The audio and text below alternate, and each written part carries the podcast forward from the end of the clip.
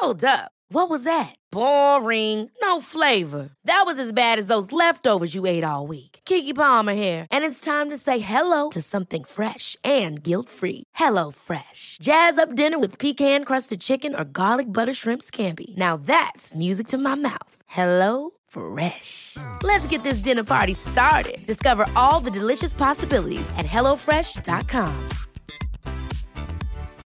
Millions of people have lost weight with personalized plans from Noom, like Evan, who can't stand salads and still lost 50 pounds. Salads, generally, for most people, are the easy button, right? For me, that wasn't an option. I never really was a salad guy. That's just not who I am. But Noom worked for me. Get your personalized plan today at Noom.com. Real Noom user compensated to provide their story. In four weeks, the typical Noom user can expect to lose one to two pounds per week. Individual results may vary. Hi, I'm Daniel, founder of Pretty Litter. Did you know cats tend to hide symptoms of sickness and pain? I learned this the hard way after losing my cat, Gingy. So I created Pretty Litter, a health monitoring litter that helps detect early signs of illness by changing colors, saving you money and potentially your cat's life. Pretty Litter is veterinarian developed, and it's the easiest way to keep tabs on your fur baby's health right at home. Go to prettylitter.com and use code ACAST for 20% off your first order and a free cat toy. Terms and conditions apply. See site for details.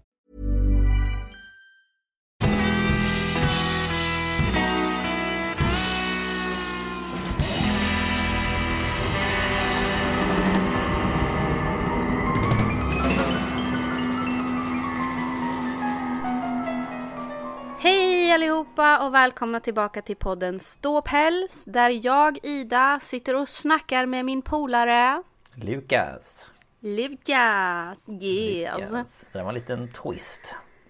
Ja, Ja, man får ju... man måste ju förnya sig lite. Ja, precis. Nej, det var bra. Ehm, ja, äntligen blev det här avsnittet av. Efter lite, Ja. lite sjukdom och livet som eh, ibland kommer Ja. emellan. Ja, men så kan det vara. Men ni får i alla fall ett avsnitt. Vi vill inte skippa helt. Nej, verkligen inte. Inte det här avsnittet. Det kommer bli spännande. Ja, gud ja. Mm. Hur är läget? Jo då, det är eh, bra faktiskt skulle jag vilja säga. Ehm, ja, det är ju lördag nu när vi spelar in. Så att eh, igår hade jag min lediga fredag och sen på kvällen var jag på julfest på jobbet. Och idag har jag bara röjt lite här hemma och haft mig. Ehm, Så eh, ja, nej, det, det rullar på. Mm. Mm, själv då? Skönt. Jo men det är bra. Jag var ju en sväng till eh, slottet. Eh, Som jag berättade om i förrförra avsnittet, Örbyhus slott. Eh, och i Slottsträdgården så var det en liten, en liten julmarknad. Så jag var dit och tittade lite. Mysigt. Ja, sen så har jag bara kommit hem. Jag fikade med mina föräldrar och min bror och sen gick jag hem. Och här är jag nu. Och här är du nu. här är jag nu. Magi. Vi spelar ju, vi spelar ju som vanligt in på distans. Ja. Det är, Ehm, Vi kör på det. Det är lättast. Ja, eh, det, det får bli så. Men jag tycker att det funkar bra ändå. Eh, ibland har vi ju lite strul med telefonuppkopplingen där det blir Ja, just ja. tyst för den ena. Så sitter man där. Hallå? Hallå? Hallå? Hallå? Är du här? Ja, nej det är för att så det... det- blåser och har sig. ja, så det är därför vi också kan eh, prata över varandra lite. För att man hör inte alltid när den andra börjar prata och, Nej, man ser inte och sådär. Nej, precis. Eh, men jag tycker ändå att det funkar bra. Mm, det tycker jag verkligen. Man får Ehm. vara lite, lite noggrannare och, och visa att man hänger med bara liksom så att Mm. Så att man inte tror att det har blivit bara att man sitter helt tyst och så bara Nej men gud, har den lagt på nu? Funkar men inte? Har inte du hört någonting av det jag har sagt? Man får liksom så här I hear you, I'm still here. Ja, ja okej, jag vet, jag hör. Ja, nej, det, så får det bli. Eh, men eh, det har gått bra hittills. Så vi kör så i alla fall den här säsongen ut. Ja, jag tror nog att det kommer bli så. Kanske att vi kommer spela in något avsnitt nu i december tillsammans. Det beror på. Vi får se. Eh, ja, Ja, och vi får la se. Ja, det kommer längre fram förstår du. Ja, Ehm, ja. Men eh, vi har väl inte avslöjat vad dagens eh, tema tänkte jag säga är. Nej, det har vi inte. Vill du avslöja detta? Ja, det här är ju en ny grej som vi satt och brainstormade fram när vi planerade säsongen och vi valde att kalla det för kända personer i våra anteckningar. Eh, för att, ja men, mm, vi vill ha något nytt, lite annorlunda. Mm. Eh, så det här blir typ ett litet biografiavsnitt kan man väl säga. Ja, lite så med lite eh, inslag av eh, Ja men lite eh, mysterier och lite konspirationsteorier och lite blandat. Mm. Mm. Så eh, det är väl lika bra att vi kör igång för jag tror att det här kommer bli lite långt. Ja, det gör vi. Ja.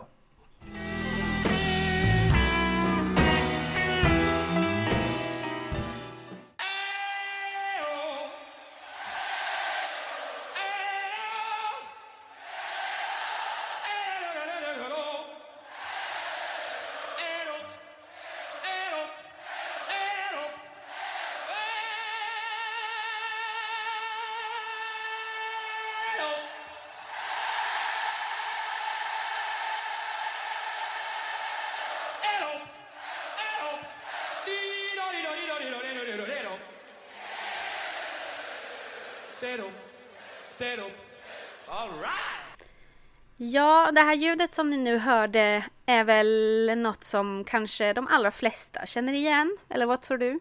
Jo, det tror jag nog. Det är, jag känner i alla fall igen det. Ja, för det är ju alltså från Queens konsert på Live Aid 1985. Ehm, och eh, det var mitt i ungefär, eller ja, inte mitt i, men efter, jag tror efter två låtar så tycker Freddie att publiken behöver tagga till lite. Och då gör han det här. Och han får ju verkligen, verkligen igång dem också. Ja, gud ja. Och det, det, jag vet inte hur många de hade i publiken på den där Live Aid. Det, det var inte bara Queen, utan det var ju flera band som gick in och skulle samla in pengar. En sån välgörenhetskonsert.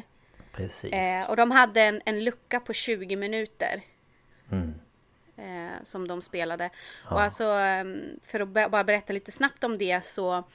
De var så liksom noga med att allting skulle bli bra. Så trots att de bara skulle spela i 20 minuter så öv, alltså de eh, rehearsed, övade i två dagar. Jaha. För att det skulle bli bra. Det tycker jag, det är Ja, det är ju dedication. verkligen. Ja, nej, jag har sett den där livekonserten och eh, ja, det är klass. Ja. Ja. Som ni då har sett på titeln och förstår av ljudet så ska jag alltså prata om Freddie Mercury. Ehm, Spännande. jag har några källor. Eh, som jag tänkte jag rabblar på en gång. Mm. Så jag har varit inne på en sida som heter dentakay.com WeLoveSinging.com Wikiwand.com eh, Det är Newsner.com Det är alltså en, en svensk eh, nyhetssajt. Eh, Sverigesradio.se TheConversation.com Och så har jag kollat på en dokumentär på en kanal som heter Amplified. Eh, och videon hette The Freddie Mercury Story Full Documentary. Och själva dokumentären hette Queen Under View 1946 till 1991 The Freddie Mercury Story. Och sen så Ja, jag kan lite om de här själv också. Eh, jag skrev nämligen mitt eh, projektarbete i gymnasiet om Queen. Ja, ja, ja. Eh, istället för ett UF-företag. Så skrev jag Spännande. Ja. ett arbete. Så. Eh, Freddie Mercury, han föddes som Farouk Bulsara den 5 september 1946 och hans föräldrar hette Bomi och Jer och de bodde när han föddes i stenstaden på Zanzibar. Och Zanzibar stenstad, gud vad jag... Stenstad. Ja, många S. Ehm, ja, det blir så. Det heter på swahili, kom inte med mitt, för mitt uttal här, men Mji Mkongwe. Och på engelska Stone Town. Det är en del av staden Zanzibar på ön Zanzibar utanför Tanzania. Eh, och den här staden upptogs faktiskt år 2000 på Unescos vär- världsarvslista. Ehm, så. Eh, ja, de, eh, det är liksom afrikanskt, indiskt, europeiskt och arabiskt. Liksom det är en väldig blandning där. Okej. Eh, familjen som Freddie föddes in i, de är en del av Parsi-gemenskapen. Det är alltså, alltså, jag tror det är ett annat ord för folk från Persien. Mhm. Mm. Parsi. Eh, de tillhörde den då, kom från Västindien. Mm. Och kom då ursprungligen från staden Bulsar eller Valsad. Som den heter nu i delstaten Gujarat i Indien. Han hade en yngre syster som hette Kashmira. Det tycker jag är så fint. Mm. Det var fint. Eh, och anledningen till att de flyttade från Indien till Zanzibar var för att pappa Bumi skulle kunna fortsätta som eh, de, de kallar det för cashier, jag vet inte, kassör på The British Colonial Office. Eh, för det tillhörde ju då den här, det brittiskt protektorat, tror jag det heter. Mm, Ja, så, det tror jag också. Jag är inte jättekunnig när det gäller det, men jag tror att det är så. Ja. Freddie han tillbringar större delen av sin barndom i Indien hos sina eh, farföräldrar eller morföräldrar. Och där börjar han ta pianolektioner vid sju års ålder. Eh, och 1954 när han är åtta så skickas han för att studera vid St. Peter's School. Det är en internatskola i brittisk stil för pojkar i Panchgani nära Bombay. Och när han var 12 så bildade han sitt första band i skolan som hette The Hectics. Och de spelade rock'n'roll-artisters eh, musik som så Cliff Richard, Little Richard, lite så. Eh, och en av hans tidigare bandkamrater från det här bandet sa att den enda musik han lyssnade på och spelade var västerländsk popmusik. Och en annan vän säger att han hade en otrolig förmåga att lyssna på radio och spela upp det han hörde på piano. Så man kan väl säga att han hade gehör. ja, jag tänkte precis säga det. Ett väldigt fantastiskt gehör. Ja. Det var också på den här skolan som han började kalla sig för Freddy.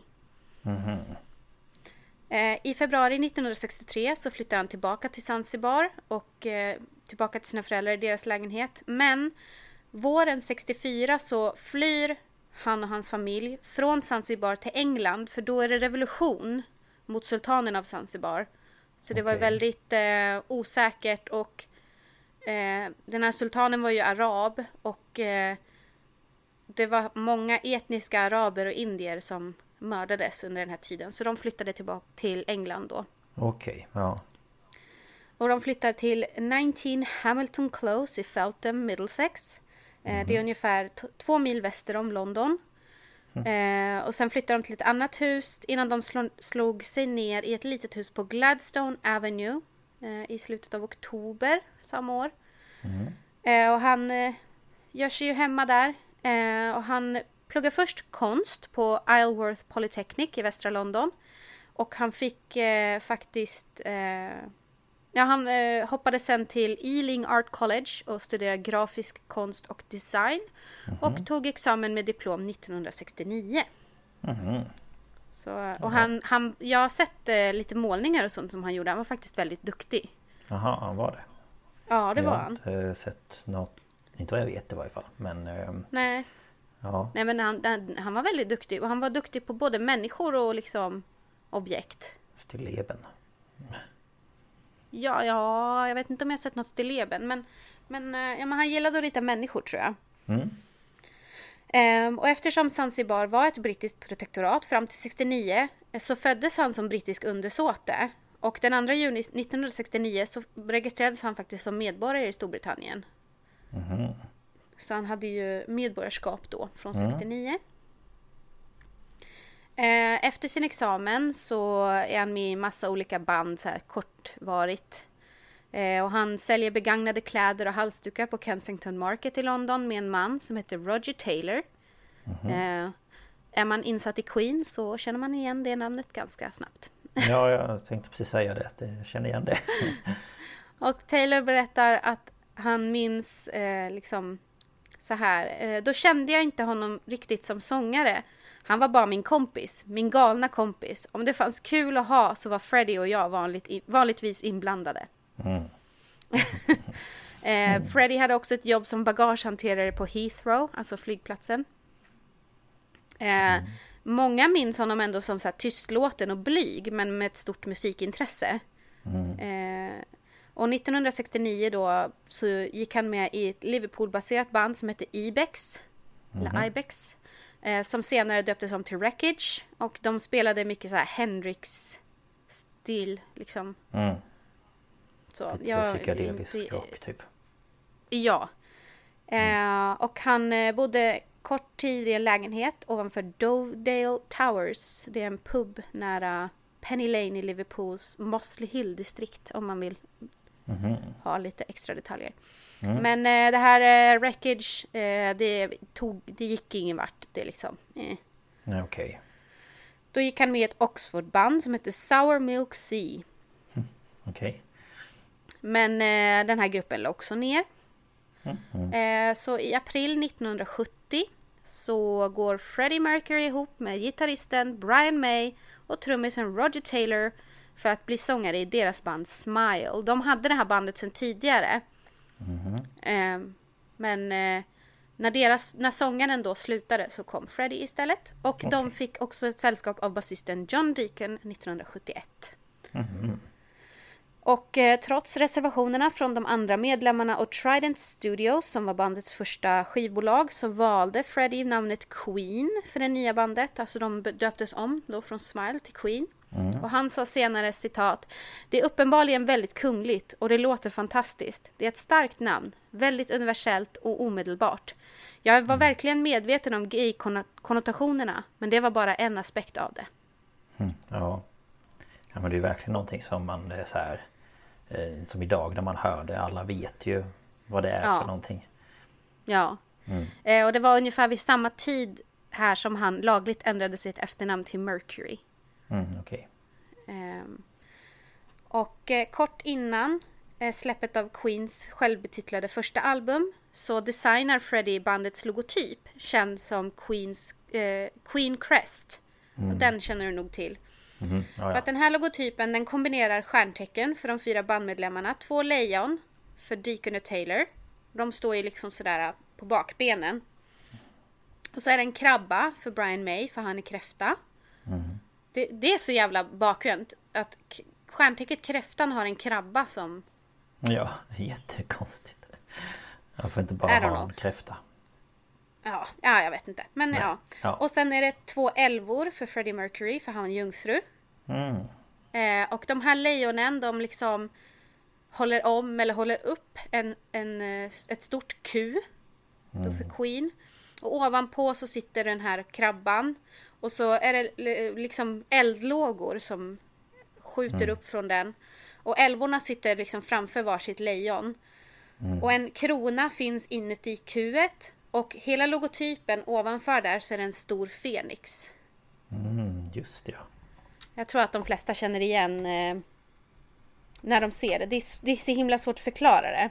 Ja, nej men man ser ju det. Det är liksom lite ovalt typ. Ja. Det som är liksom... eh, Som de för, kallar sig för Queen. Redan där är det ju lite så här... Ooh, royalty liksom. Det är väldigt... Eh, man ska inte krafsa på kungligheterna i Storbritannien. Nej. Men det de också gör är ju det här, eller han gör, är ju att det här crestet är ju likt Storbritanniens kungliga vapen. Mm. Med de här lejonen och det. Så att, Precis. eh, ja, men han gillar väl att, att tänja lite på gränserna tänker jag för vad som var okej. Ja, det tror jag också. Eh, och de flesta som har hört Freddie sjunga måste, måste ju hålla med om att han hade en väldigt speciell röst. Gud ja. Eh, den var otroligt versitabel. Alltså, oh, han kan ju... Han, oh. Säg en genre, han tar den. Ja, ja, ja. Alltså, han var så skicklig. Och även om hans talröst naturligt föll i eh, det som man kallar för bar- bariton, bariton, Ja, jag, jag kan bariton. inte uttala sånt. Ehm, så levererar han de flesta låtarna i tenorområdet istället. Och han hade alltså omfång som sträckte sig från bas, alltså låg F, F2, till sopran som alltså är eh, F, hög F, F6. Mm. Och han kunde alltså bälta tenor högt F, F5. Mm. Ja, det är galet. Det är alltså fem oktaver. Mm. Ja. Och jag skrev upp bara som eh, liksom jämförelse. Så några andra som kan göra liknande höjningar är Prince. Eh, Axl Rose i Guns N' Roses. Mm, ja, det... Pavarotti. Obviously, han är ju operasångare. Ja, jo. Ehm, och för, för oss då lite yngre, Brendan Urie i Panic at the Disco. Mm. Just det, han är också en pipa. Ja. Eh, och, och om man tar kvinnliga sångerskor så, så har vi ju Ariana Grande, Mariah Carey, Celine Dion kan säkert också. Ja, det tror jag. Men alltså fem oktaver och just F5, F6 för en man, det är ganska rejält. Ja, gud. Ja, nej, det är galet. Eh, Jättehäftigt. så att eh, det är galet. Eh, Han och kunde- eh, Han kunde sjunga med andra ord.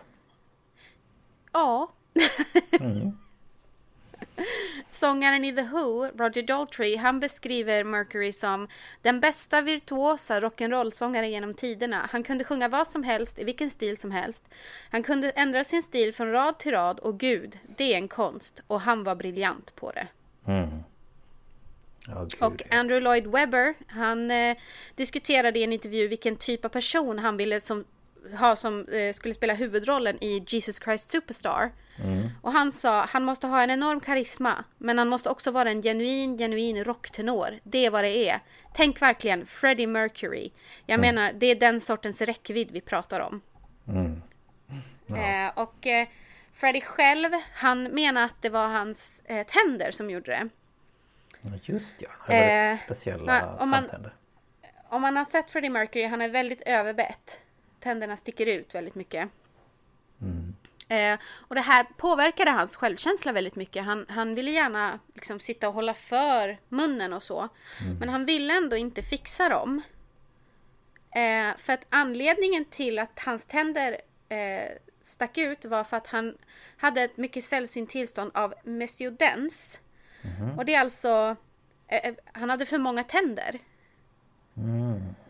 Och det är för att han hade fyra extra framtänder bakom de vanliga framtänderna. Så fram, han hade två rader framtänder. Och då puttade ju de ut hans... Det är ju bara i överkäken då, Ja, ja. tror jag. Eller det kanske var... Jo men det var nog bara överkäken. Eh, som liksom puttar ut dem. Och han menar då att det gjorde att han fick öppna munnen mer. Och att han då kunde sjunga mer. Och de som, som är såna här Freddie Mercury impersonators, de har ju ofta löständer som ska göra att de öppnar munnen på samma sätt som honom. Jaha. Så att han ville inte fixa sina tänder för han var väl lite rädd då att det skulle påverka hans sång. Mm. Det vet jag inte, det är ju svårt att säga om det skulle det, men eh, Det vet jag faktiskt inte men eh, möjligheten finns ju. ja, så han offrade lite sin självkänsla för rösten. Mm. Eh, så. Mm. Ehm, på albumet Queens Greatest Hits så har Freddie skrivit 10 av de 17 låtarna. Så han har skrivit Bohemian Rhapsody, Seven Seas of Rye, Killer Queen, Somebody to Love, Good Old Fashioned Loverboy, We Are the Champions, Bicycle Race, Don't Stop Me Now, Crazy Little Thing Called Love och Play the Game. Han har ju typ Ja. skrivit mina, alla mina favoritlåtar med dem. Ja, men han, är, han var ju fantastisk alltså. Eh, det mest anmärkningsvärda av, all, av låtarna han skrev är att det, är- det är det breda utbud, utbudet av genre. Alltså det är rockabilly, progressive rock, heavy metal, gospel, disco. Alltså, han sa själv i en intervju 1986. Jag hatar att göra samma sak igen och igen och igen. Jag gillar att se vad som händer nu inom musik, film, teater och införliva alla dessa saker. Och ehm, han skrev ju väldigt ofta komplicerade harmonier och sånt. Men han, han menar att han egentligen inte kunde läsa noter så bra. Och han skrev ju allt på piano. Och jag tror att han menar liksom att han skrev inte noter, han skrev väl på gehör då kan jag tänka. Ja det kan jag tänka mig. Vad låter bra? Ja. Det. Ehm, och han skrev ju som sagt var mycket på piano. Han kunde spela andra instrument också men han, hans primära var väl piano. Jag kom bara att tänka på en sak där med gehör och vad som låter bra eller inte. Ehm, Mm. Jag gick ju eh, musiklärarutbildningen i Stockholm i ett år. Mm. Och då skulle vi eh, få ett not här med eh, rader med liksom eh, noterna och så skulle vi då göra noter och så skulle vi gå fram till läraren som skulle spela det där på piano. Och jag Ja. hade ju ingen aning om vad jag höll på med för jag har ju aldrig liksom lärt mig noter heller. Så jag går Nej. fram där och han börjar spela och han bara Åh det här låter ju, låter ju som Mozart. Och du hade bara kladdat dit något. Ja och jag bara hade satt lite pluttar lite här och var för att det skulle se ut som någonting. Eh, Så att eh, ja, ibland har man tur. Ja, verkligen. Ja, Ja. Jag vet inte jag om jag hade kunnat fått ihop men... nej, men det, ja, jag bara tänkte på det. Ja, Nej, men det var lite kul. Ja, Eh, Freddie han är ju känd för sina framträdanden. Eh, och han, eh, det var ju ofta hela stadior, stad, stadier, stadior? sta, stadium, stad, stad. En, en, ett stadium, ja skitsamma, ni fattar. Eh, eh, ja, alltså det var hela arenor. Ja, Nu så kringgår vi ordet helt. Arenor som var helt fyllda med, med, med folk och eh, han liksom fick alla att känna sig delaktiga. Han var ju väldigt, han använde kroppen så mycket. Han snurrade och han slog med armarna och, och liksom hoppa och han stod väldigt så här bredbent. Ja, Och eh, han hade en väldig stil och han Han gjorde verkligen att publiken var med och Brian May eh, sa att den sista personen på baksidan av den längst borta läktaren på en stadion kände att han var med. Alltså mm, den Ja, personen det- som var allra, allra, allra längst bort kände ändå att Freddie såg honom liksom. ja. Och det är ju, det är ju talang och liksom eh, För vissa, de eh, bryr sig inte om publiken längst bak knappt. Nej, nej. Eh, och det som man kanske tänker på mest också är ju hans huvudsakliga rekvisita och det är den här, det här mikrofonstativet med, med kort Mm, eh, pinne som han gick runt med. Eh, och det är för att eh, han av misstag bröt av det här stativet från en tung fot. mm, Eh, och det var tidigt i Queens karriär och då insåg han att men herregud det här var ju jättesmidigt. Ja, kan man ju gå och så körde han på det. Ja. Så körde han på det. Ungefär som eh, Martin Stenmark hade i eh, Mello när han körde Las Vegas. Just ja. Han körde ju den Freddie Mercury. Ja, just ja. Fast Freddie gjorde det så mycket bättre måste jag bara säga. Eh, ja, det får man väl vara ärlig och säga. Eh, och även om han hade liksom en väldigt flamboyant scenpersonlighet, alltså han tog väldigt mycket plats och liksom eh, var väldigt expressiv i sina rörelser och så på scen. Så var han en väldigt blyg person liksom privat och speciellt runt folk han inte kände och han beviljade väldigt få intervjuer. Han tyckte inte det var Nej. kul. Nej. Och han har sagt om sig själv, när jag uppträder är jag en extrovert men inombords är jag en helt annan man. Ja, det Och det kan man också höra i hans intervju. Visst, han är lite sådär, han har svar på tal och så, och liksom är lite sarkastisk och så. Men, men han är väldigt mjuk och mild och pratar ganska tyst och, och så. Mm. Eh, och något han aldrig diskuterar med, sina, eh, med journalister är eh, sin etniska eller religiösa bakgrund. Ehm, hans familj var ju Zoroa, Zoroa, Va? Hur talas det nu då? Zoroatrism? Eller hur säger man? Jag vet inte. Zoroatri, uh, Zoroastrism. Mhm. Vad är det? Eh, ja, Det är en annan femma. Det är en, det är en domin, den var dominerande i Iran och sådär. Okej. Ehm, En slags Det är en, liksom, väldigt, det är en gammal, eh, gammal religion. Väldigt gammal. Det är liksom pre-kristendom. Jaha, okej. Eh, men den, man tror på en gud och Mm. eh, mycket så här eh, ljus och mörker och så tror jag. Okej. Ja. Jag, jag är inte jätteinsatt i det här. Nej, jag bara tänkte Eh, om... men det, det är något som är liksom i... Det är gammalt och eh, det är vanligast i den delen av världen. Mm, Okej. Och jag antar att det kanske var många som frågade om det i och med att det inte är så vanligt i det- västvärlden. Det kan det nog varit. Men han, eh, han tyckte inte om att prata om det och han tyckte inte om att prata om sin etnicitet eller så. Nej, okej. Eh, och något, jag tog med det här, den här infon är mest för våran skull. Men under sitt liv så tog Mercury hand om minst tio kat- katter. Åh. Och bland annat så hette de Tom, Jerry, Oscar, Tiffany, Dorothy, Delilah, Goliath, Miko, alltså Michael, Romeo och Lily. Åh. Kissarna. Och han var emot inavel av katter för specifika egenskaper. Och eh, alla utom Tiffany och Lily som han fick i gåva adopterade han från Blå Korset. Vad fint. Och eh, han satte lika stor vikt vid dessa älskade djur som något mänskligt liv, sa han i intervju- en intervju. Och han lät till och med en konstnär som hette Ann Ortman måla porträtt av alla katterna. Ja. Så varje velat. katt fick ett porträtt. Ja, det ska jag göra med mina katter. Det skulle aldrig gå. Nej gud, de har inte suttit stilla i två sekunder. Får ta en bild på dem i så fall. Miko, Miko hade fjärtat på dem och gått. Jag hade gått fram och baj- eller fisit dem i ansiktet och sen gått därifrån. Ja. Typ. Ja men det var ju jättefint. En liten till till eh, katterna är att Delilah, kissen, som var hans favoritkatt av alla, hon eh, fick en låt skriven till sig som är på Queen-albumet Innuendo. Och han dedikerade sina liner-noter i sitt soloalbum Mr Bad Guy från 1985 till Jerry och hans andra katter. Och då skrev han det här, det här albumet är tilläg- tillägnat min katt Jerry. Även Tom, Oscar, Tiffany och alla kattälskare över hela universum. Skit i alla andra. Ja, det är bra att tycka om kissar.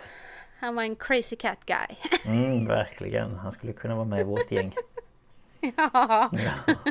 Men det är så gulligt. Han lät liksom porträtt då. Ja, att han dedikerade sina album till sina katter. Ja men också att han adopterade från liksom katthem och... Ja, Ja, var det är fint. Verkligen. Tillbaka till hans eh, liv, höll jag på att säga. I början av 70-talet så inledde han ett långvarigt förhållande med Mary Austin som han träffade genom Brian May då i bandet. Och han bodde med henne i flera år i West Kensington i London. Eh, och i mitten av 1970-talet så hade han en affär med David Mintz som är en amerikansk, eller var en amerikansk skivchef. Skivchef, det lät jättekonstigt att säga. Skivchef. Skivbolagschef. Ja, skivchef. Skivchef. På, han jobbar i alla fall på Elektra Records. Och i december 1976 så berättar Freddie för Mary om sin sexualitet. Och då tog deras förhållande slut. Ehm, han flyttade ut från hennes lägenhet och köpte... Han köpte en ny ehm, lägenhet till sig själv och en till henne. Jaha, okej. För att de, var, de förblev bästa vänner. Ja, ja, Eh, och han hänvisar ofta till henne som sin enda sanna vän. ja. Eh, och i en intervju eh, 1985 så sa han Alla mina älskare frågade mig varför de inte kunde ersätta Mary men det är helt enkelt omöjligt. Det är den enda vän jag har. Den enda vän jag har är Mary och jag vill inte ha någon annan. För mig var hon min sambo, för mig var det ett äktenskap. Vi tror på varandra, det räcker för mig. ja. Så de, eh, de var väl liksom soulmates fast på vännivå. Ja, det blev inte riktigt Nej, kärleks... för, eh, så. för hon gifte sig och skaffade barn och så. Han var ju gudfar och sådär. Så att det var... Mm. var ju, det är fint tycker jag. Ja, det tycker jag också. Verkligen. Eh, och det var ju mycket spekulationer kring hans sexualitet. Eh, och vissa menar att han dolde sin sexuella läggning från allmänheten och andra menar att han var öppet gay. Och vissa eh, hänvisar till honom som bisexuell och ja. Mm. Under 1900, mitten av 1980-talet så var han, sägs det, involverad med en österrikisk skådespelerska, skådespelerska som heter Barbara Valentin. Hon är med i videon It's a hard life. I en artikel så sa han att hon bara var en vän. Ja, ja, det är mycket spekulationer och han ska ha dejtat en tysk krögare som hette Winnie Kirchberger. Eh, och hade ett silver, en silverring eh, som han fick av honom. Mm. Och men eh, samtidigt så är det någon som har beskrivit den här mannen då som Freddys stora kärlek. Alltså det är väldigt mycket. Ja. Han vill ju inte prata om sånt här så Nej, så då blir det ju lätt att folk spekulerar. Ja. Mm. Men 1985 så inleder han ett nytt långvarigt förhållande med en irländsk frisör som heter Jim Hutton och han kallade för honom för sin man. Eh, och Freddie sa att deras relation eh, var byggd på tröst och förståelse och sa att han ärligt talat inte kunde begära bättre. Tycker jag är fint. Ja, det tycker jag också. I oktober 1986 så rapporteras det i brittisk press att Freddie har testat positivt för HIV, eh, HIV aids. Eh, och enligt Jim så diagnostiserades han i slutet av april 1987. Men det här, man vet inte när det här hände.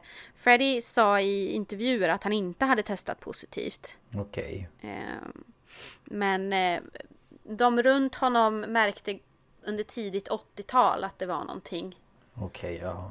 Ehm, så Mm. det är svårt att säga exakt när han fick veta det. Men eh, 1987 så firar han sin 41 eh, födelsedag på Pikes Hotel på Ibiza. Och eh, hans eh, fest eh, har beskrivits som den mest otro- det mest otroliga exemplet på överdrift som Medelhavsön någonsin har sett. Okej. Det var omkring 700 gäster. Gud. Och ehm, det var tänkt att en tårta som var i form av Antoni Gaudis Sagrada Familia, alltså kyrkan Sagrada Familia, skulle eh, då komma till partyt, men den kollapsade och ersattes med en två meter lång sockerkaka dekorerad med tonerna från Mercurys sång Barcelona. Jaha, nej men gud. Som han sjöng med Montserrat Caballé, eller vad hette hon? Mm, ja, jag tror det. Så att, eh, det blev en sockerkaka En sockerkaka. Och en kopp te. Ja. Mm. Ah, herregud. Ja. Eh, allt som åren gick så följde i media Freddie och hans mående. Och många lade märke till att han magrade. Och fler och fler spelningar med Queen ställdes in.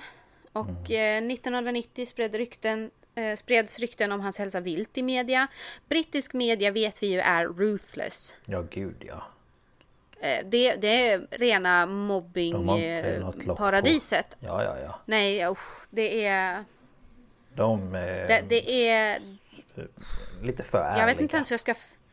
Nej men det är inte bara det, de är, det är ju mobbare, de är Ja, elaka och liksom, vi ser ju vad Kate Middleton och Meghan Markle, och speciellt Meghan Markle nu får utstå. Ja, efter att hon... Och eh, Diana, prinsessan Diana, alltså. Nej, det är nej, de, de är... Det är inte okej, men i alla fall. Mm. Eh, vid 1990 års Brit Awards på Dominion Theatre i London den 18 februari då, 19- 1990 gjorde Freddie sitt sista scenframträdande med då Queen.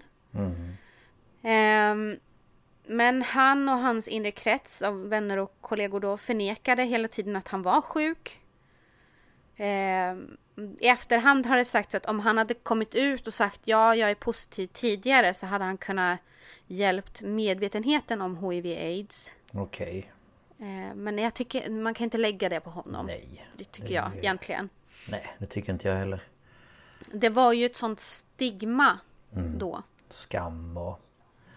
Ja. Ja, Ehm, och han höll det här privat för att skydda. Han, han tyckte att han skyddade dem kring sig. Mm. Ehm, och Brian May bekräftade att han hade be- berättat för bandet mycket tidigare än vad allmänheten fick veta. Och det förstår man ju. mm, ja. Men det tog ändå tid innan han berättade för dem för att han ville inte... Nej men som det här, musikvideon till This, This are the days of our lives som filmades i maj 91. Eh, jag har sett den här, då är Freddie väldigt, väldigt mager. Och man ser att han inte mår bra. Det är liksom det sista han gjorde, sista scenerna framför kameran är den här eh, videon. Och då sa han, jag vill inte lägga någon börda på andra människor genom att berätta om min tragedi. Alltså han ville inte, alltså han var ju dödssjuk och visste det länge, men han ville inte lägga det på dem i bandet och liksom, Nej. Att någon, det var mycket det här också att han ville inte att någon skulle sörja honom i förtid. Nej just ja. Och den förstår jag ju verkligen. Ja. För han var ju såhär, jag är här nu. Jag vill leva nu. Mm. Liksom så. Men ändå, ja det är ju jobbigt att, att bära på tänker jag. Veta Mm. att man en dag kommer man inte liksom klara det längre. Ehm, Mm. och ja, men förhoppningsvis så, ja, nej jag vet inte. Sorgligt. Men bandet var i alla fall alltid väldigt stöttande och de var alltid redo i studion att spela in när han kände att han orkade. Och alltså det kunde ju vara en eller två timmar åt gången. Alltså ibland så kunde han bara sjunga, spela in en, en rad och sen orkade han inte. Nej. Och då var det okej. Alltså de tog det liksom i den takten som var okej för honom. Eh, och Brian May sa då att Mercury hade sagt eh, Skriv mer till mig, skriv saker till mig. Jag vill bara sjunga det här och göra det. Och när jag är borta kan du avsluta det. Han var verkligen inte rädd. Nej okej. Nej. Eh, Och efter att ha avslutat lite arbete med Queen i juni 1991 så drog han sig tillbaka till sitt hem i Kensington då i västra London och eh, Mary var där regelbundet eh, och hjälpte till att ta hand om honom. Ehm, Och nära slutet så började han förlora synen så att han kunde inte gå ur sängen eh, och så själv. Och eh, han valde det låter så hårt, men han valde att påskynda sin död för han ville inte ta bromsande medicin. Nej, Okej. För han menade att då skulle han ju bara leva i det där stadiet längre. Ja, ja, ja. Såklart. Så han tog bara smärtstillande. Ehm, den 22, des- 22 november 1991 så kallar, eh, mm, kallade han på Queens manager Jim Beach och ville att han skulle komma hem till honom i Kensington för att förbereda ett offentligt uttalande. Och det kom dagen efter och det var så här. Efter de enorma gissningarna i pressen under de senaste två veckorna vill jag bekräfta att jag har testats HIV-positiv och har aids. Jag ansåg att det var korrekt att hålla den information privat för att skydda integriteten för omgivningen. Men nu är det dags för mina vänner och fans runt om i världen att få veta sanningen och jag hoppas att alla kommer gå med mig, mina läkare och alla världen över i kampen mot denna fruktansvärda sjukdom. Min integritet är, har alltid varit väldigt speciell för mig och jag är känd för min brist på intervjuer. Vänligen förstå att denna policy kommer att fortsätta. Ja. Och kvällen den 24 november 1991, ungefär 24 timmar efter det här uttalandet, så dör han. Då var han 45 år. Och han dog hemma i Kensington. Och eh, dödsorsaken var bronkial lunginflammation till följd av aids. Okej. Hans nära vän Dave Clark från Dave Clark 5 var och vakade vid honom när han dog. Ehm, och man ringde hans föräldrar och hans syster och berättade nyheten och sen nådde då det tidningsvärlden och tv-team tidigt den 25. Okej. Eh, ytterväggarna i hans hem eh, blev en helgedom, alltså många kom dit och tände ljus och så. Eh, och hans begravningsgudstjänst genomfördes den 7 november 1991 av en zoroastrisk präst i West London Crematorium. Och vid ceremonin var hans familj och 35 av hans nära vänner, inklusive Elton John och såklart bandmedlemmarna i Queen. Ja, jo, såklart. Eh, och hans kista bars in i kapellet till ljudet av Take My Hand, Precious Lord och You've Got A Friend av Aretha Frank- Franklin. Och i enlighet med hans önskemål så tog Mary hans aska och den är begravd på okänd plats. Och eh, det sägs att det typ bara är hon och hans föräldrar och syster som vet. Okej. Jag vet inte. Nej. Förmodligen Men det är för att- de kanske. Han ville väl kanske inte att alla skulle kunna... Det skulle inte vara någon slags turistgrej. Nej men en så här, turistattraktion liksom. Utan eh, det ska vara någonting där de kanske kan komma och minnas honom liksom. Och nu har jag lite mm, efterinformation. Han spenderade och donerade mycket till välgörenhet eh, under sitt liv. Och hans egendom värderades till cirka 8 miljoner pund när han dog. Okej. Och han testamenterade sitt hem, Garden Lodge och de angränsande Muse till, samt 50% av alla privatägda aktier till Mary. Så då vet man ju hur mycket hon betydde för honom. Ja. Hans syster Kashmira, hon fick 25 procent och det fick hans föräldrar också. Eh, och han eh, lämnade bland annat 500 000 pund till Jim Hutton, hans ehm, sambo. Ja, just det. Eh, Ja. Och lite, ja, han eh, lämnade mycket pengar. Mm. Eh, han tilldelades individ- individuellt postumt Brit, postumt Brit Award för enastående bidrag till brittisk musik 92. Eh, och i november 95 så dök han upp postumt på Queens sista studioalbum Made in Heaven. Och det här inne, innehöll då tidigare outgivna inspelningar från 91. Eh, och från tidigare år och omarbetade versioner av hans sololåtar. För han hade en kort solokarriär på 80-talet. Eh, skivans omslag har Freddie Mercury-statyn som har utsikt över Genèvesjön ovanpå Mercurys eh, Duckhouse sjöstuga som han hade hyrt. Eh, och det var här han skrev och spelade in de sista låtar i, låtarna i Mountain Studios. Och omslaget på albumet innehåller orden dedikerad till Freddie Mercurys odödliga ande. Och ehm, det här albumet har en av mina favoritlåtar på. Och det är Too Much Love Will Kill You. Eh, den är där. Heaven for Everyone eh, och Mother Love. Eh, och Mother Love är den sista vokalinspelningen som Mercury gjorde innan han dog. Och efter att ha avslutat den näst sista versen så sa han att han inte mådde så bra. Och jag kommer att avsluta den när jag kommer tillbaka nästa gång. Men det blev ingen nästa gång. Nej. Så Brian May spelade in den sista versen. Queen valdes in i Rock'n'Roll Hall of Fame 2001 och 2003 valdes Freddie postumt in i Songwriters Hall of Fame med resten av Queen för enastående sånginsamling från British Academy of Songwriters, Composers and Authors. Okej. Och eh, andra hyllningar så är det ju en staty i Montreux i Schweiz. Sch- Schweiz? Schweiz. Switzerland. Yes. Och det är av skulptören Irena Sedleka. Eh, Den reses som en hyllning då. Den är nästan tre meter hög och har då utsikt över Genèvesjön. Eh, Och det var Freddie Mercurys pappa och Montserrat Caballé och Brian May och Roger Taylor som avtäckte den 1996. Och 1997 så släppte då Brian, Roger och ehm, John, hette han ju, John Deacon. Jag glömmer alltid bort John Deacon. De släppte en låt tillägnad till Freddie 1997. Det är min absoluta favorit av dem. Alltså den är så bra. Det är No One But You, Only the Good Die Young. Den är så fin. Alltså det är... Mm.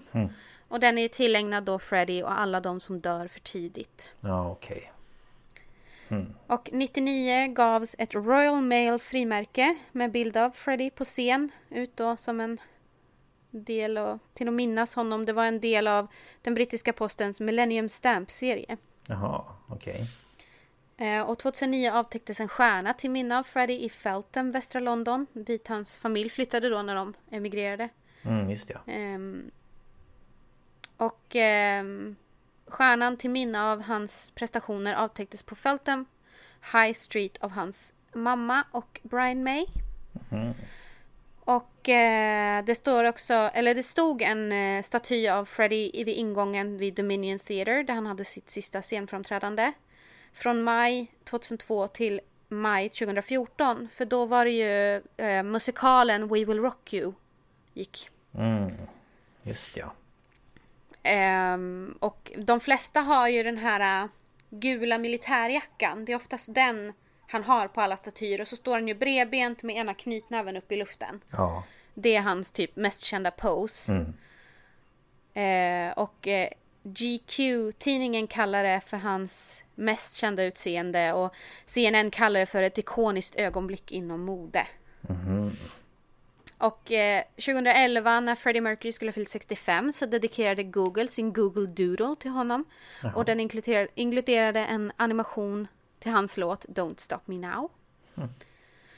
Man hyllade också honom och Queen vid avslutningsceremonin för OS 2012 i London. För då eh, var det ju bandet som framträdde med We Will Rock You och då var det ju Jessie J. Som, eh, Och så inledde man med en video från eh, Freddys Call and Response-rutin 1986 på Wembley Stadium. Eh, och eh, publiken på Olympiastadion, de blev ju helt till sig. Jag såg ju det här när, när det var. Alltså det var ju helt... Eh, Jag kan tänka mig att det... det var som att han var där, typ. Ja. Ja, coolt. Eh, det här är också lite så här kul, men det finns en groda som heter Genus mercurana som upptäcktes tw- 2013 i Indien. Och den är då döpt efter Freddie Mercury. Okej. Ehm, det, är, det är också nära där han eh, tillbringade mycket av sin barndom. 2013 så hittar man en damselfly i Brasilien och den heter, heter Heteragion Freddie Mercury Mm, Okej. för att hedra den begåvade och suveräna musikern. Vars, och låtskrivaren vars underbara röst och talang fortfarande underhåller miljoner. Så det är lite kul. Ja, verkligen. Eh, 2016 så satte man ett, en blå plakett från English Heritage på hans hem på eh, 22 Gladstone Avenue i Feltham. Och hans syster Kashmira och Brian May var där. Brian är med på mycket sånt där. Ja, det verkar som det. Och eh, under den här ceremonin så kallade Karen Bradley, som var Storbritanniens utrikesminister för kultur, Freddie för en av Storbritanniens mest inflytelserika musiker och sa att han är en glo- global ikon vars musik berörde livet för miljontals människor runt om i världen. Och eh, en gata döptes om förra året, 2020, till eh, Freddie Mercury Close. Det var också i Feltham där. Eh, 2019 så var Mercury en av personerna som valdes in i Rainbow Honor Walk, en Walk of Fame i San Franciscos stadsdel Castro. Eh, de uppsa- uppmärksammade hbtq-personer som gjort betydande bidrag inom sina områden. Det finns också en så kallad Freddie Mercury Alley. Det är en 100 meter lång gränd bredvid den brittiska ambassaden i Ujadj- U- Ujadzjov eh, distriktet i Warszawa, Polen. Ursäkta mitt uttal, jag kan inte polska. Nej. Men i alla fall, Ja. eh, i Polen finns det då en Freddie Mercury Alley. Jaha.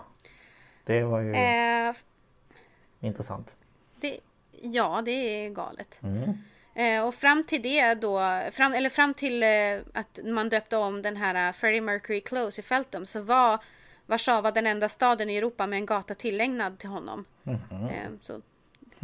Just att Polen gjorde det också, och till en Ja. HBTQ. Det är det som jag sitter och funderar på. Det, ja, okej. Ja, Det är lite chockerande, Ja. men eh, ja. ja, verkligen. Det är ju en, ändå inte... Nej, det är lite otippat skulle jag vilja säga. Mm, Lite, lite smått sådär.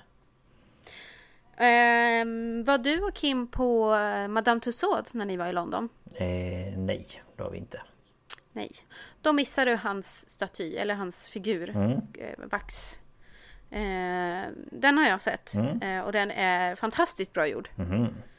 Eh, han finns såklart. Jag vet inte om han finns på flera Madame Tussauds. Men i London finns han i alla fall. Mm. Och eh, som jag sa så blev ju ytterväggarna på Garden Lodge i Logan Place ett, som en helgedom. Där man lämnade ljus och bla bla bla. Mm. Eh, folk skrev graffitimeddelanden och tre, tre år efter hans död så rapporterar tidningen Time Out att väggen utanför huset har blivit Londons största rock'n'roll helgedom. Ehm, och fans fortsatte att besöka det här för att visa sin respekt och så fram till 2017 när Austin fick muren rensad. Jaha, okej. Men eh, är det någon som bor i det där huset eller det? Det vet man kanske inte. Det vet jag faktiskt inte. Nej. Mhm. Det var, jag vet inte om det var det han testamenterade till Mary. Men ja, jag vet inte om hon i så fall bor kvar eller om hon ens lever fortfarande. Det vet jag inte. Nej, okej. Nej. Men eh, det var en, en lång men ändå kort Ja, biografi om Freddie Mercury. Det finns så mycket mer man skulle kunna ta upp. Men ja. ja, Då skulle vi sitta i timmar. ja Ja. jag skulle ju kunna sitta i timmar. Alltså jag älskar ju Freddie Mercury. Jag, Det är så synd att han dog. Ja, verkligen. Så att jag inte hann se honom. Ja, man undrar ju vad han skulle Ehm. kunna åstadkommit om han eh, fortfarande levde. Men han, hade, han skulle ju ha framträdigt även om han var tvungen att gå med rullator alltså. Ja, det tror jag också. Han hade väl snurrat runt med den där. Ja, per mobil. Ja, nej men alltså det hade varit underbart att se honom live. verkligen. Men... Jag har lyssnat väldigt mycket på Queen ända sedan jag var liten. Pappa gillar Queen. Mm. Ja, så det har varit också... mycket det i bilen och jag har lyssnat jättemycket på Queen. Mm. Jag har också lyssnat en eh, hel del på, på dem. Ehm, Mm. Och eh, jag tänkte på det, har inte de valt när de framträder idag, är det inte Adam Lambert som sjunger då? Det vet jag faktiskt inte. Jag har sett eh, många framträdanden den senaste tiden och då är det han som sjunger för dem. Ja, kan det ju vara. Jag vet, de gjorde ju... ehm, The Show Must Go On har ju bland annat Elton John spelat in med dem. Mm. Eh, och sen gjorde han ju den här uh, duetten med David Bowie var det väl på Under Pressure. Mm, just ja.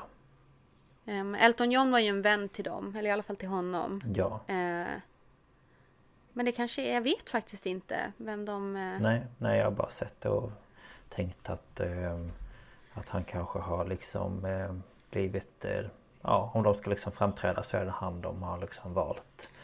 Ehm, Ja men det kan ju mycket väl vara att eh, de har något avtal med honom. mm, Ehm, Förmodligen.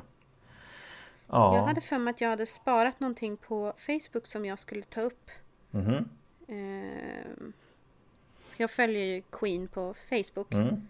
Ehm, men eh, Om du kommer fram. jag, har inte, jag har inte sett någonting om det där med Adam Lambert. Nej, okej De lägger upp mycket, mycket bilder och, och fortfarande De kör ju lite fortfarande. mm, Jo men precis Ehm, Men ja, det kan vi väl kolla upp Nej. och så får vi eh, meddela om det stämmer eller inte sen. spontant när jag scrollar lite snabbt så ser jag ingenting om Adam Lambert. Men eh, Nej, okej. det kan ju vara att de har ett avtal med honom och sådär. Ja. Eh, men de tar väl in när de eh, spelar och, och så. De kan ju sjunga de andra också. Mm. Men de samarbetar väl med Ja, kändisar på olika sätt. ja, så är det. Men eh, Ja, de lever och kör. ja, de lever och kör. Ja, men det är alltid något. Och de gör ju allt för att, för att hylla. Det är ju för att hylla Freddie. Mm. Liksom. Ja, Men jag tycker de har ju gjort en, ett stort eh, impact. En stor impact på musik. musikhistorien. Rock, rockhistoria. Alltså, de, de gjorde inte bara rock. Alltså det så mycket. Ja, så ja, att, ja. Om ni inte har lyssnat på Queen. Gör det. Ja, ta någon sån här greatest Det finns- hits grej eller någonting. Det finns något för alla. Ja, säger jag bara. Gud ja. Eh, verkligen. Eh, men ja, nej, det här var väldigt eh, intressant, spännande och eh, sorgligt. För man önskar ju att Mm. Ja, han det eh, är fortfarande tragiskt. levde. Men eh, Ja. så är det. Eh, Livet har sin Mm. gång. Ibland händer Ja. sånt här. Ja. Men eh, tack för detta. ja, det var så lite så. Ja, Nu eh, vill jag höra vad du har att berätta. ja, vi hoppar vidare.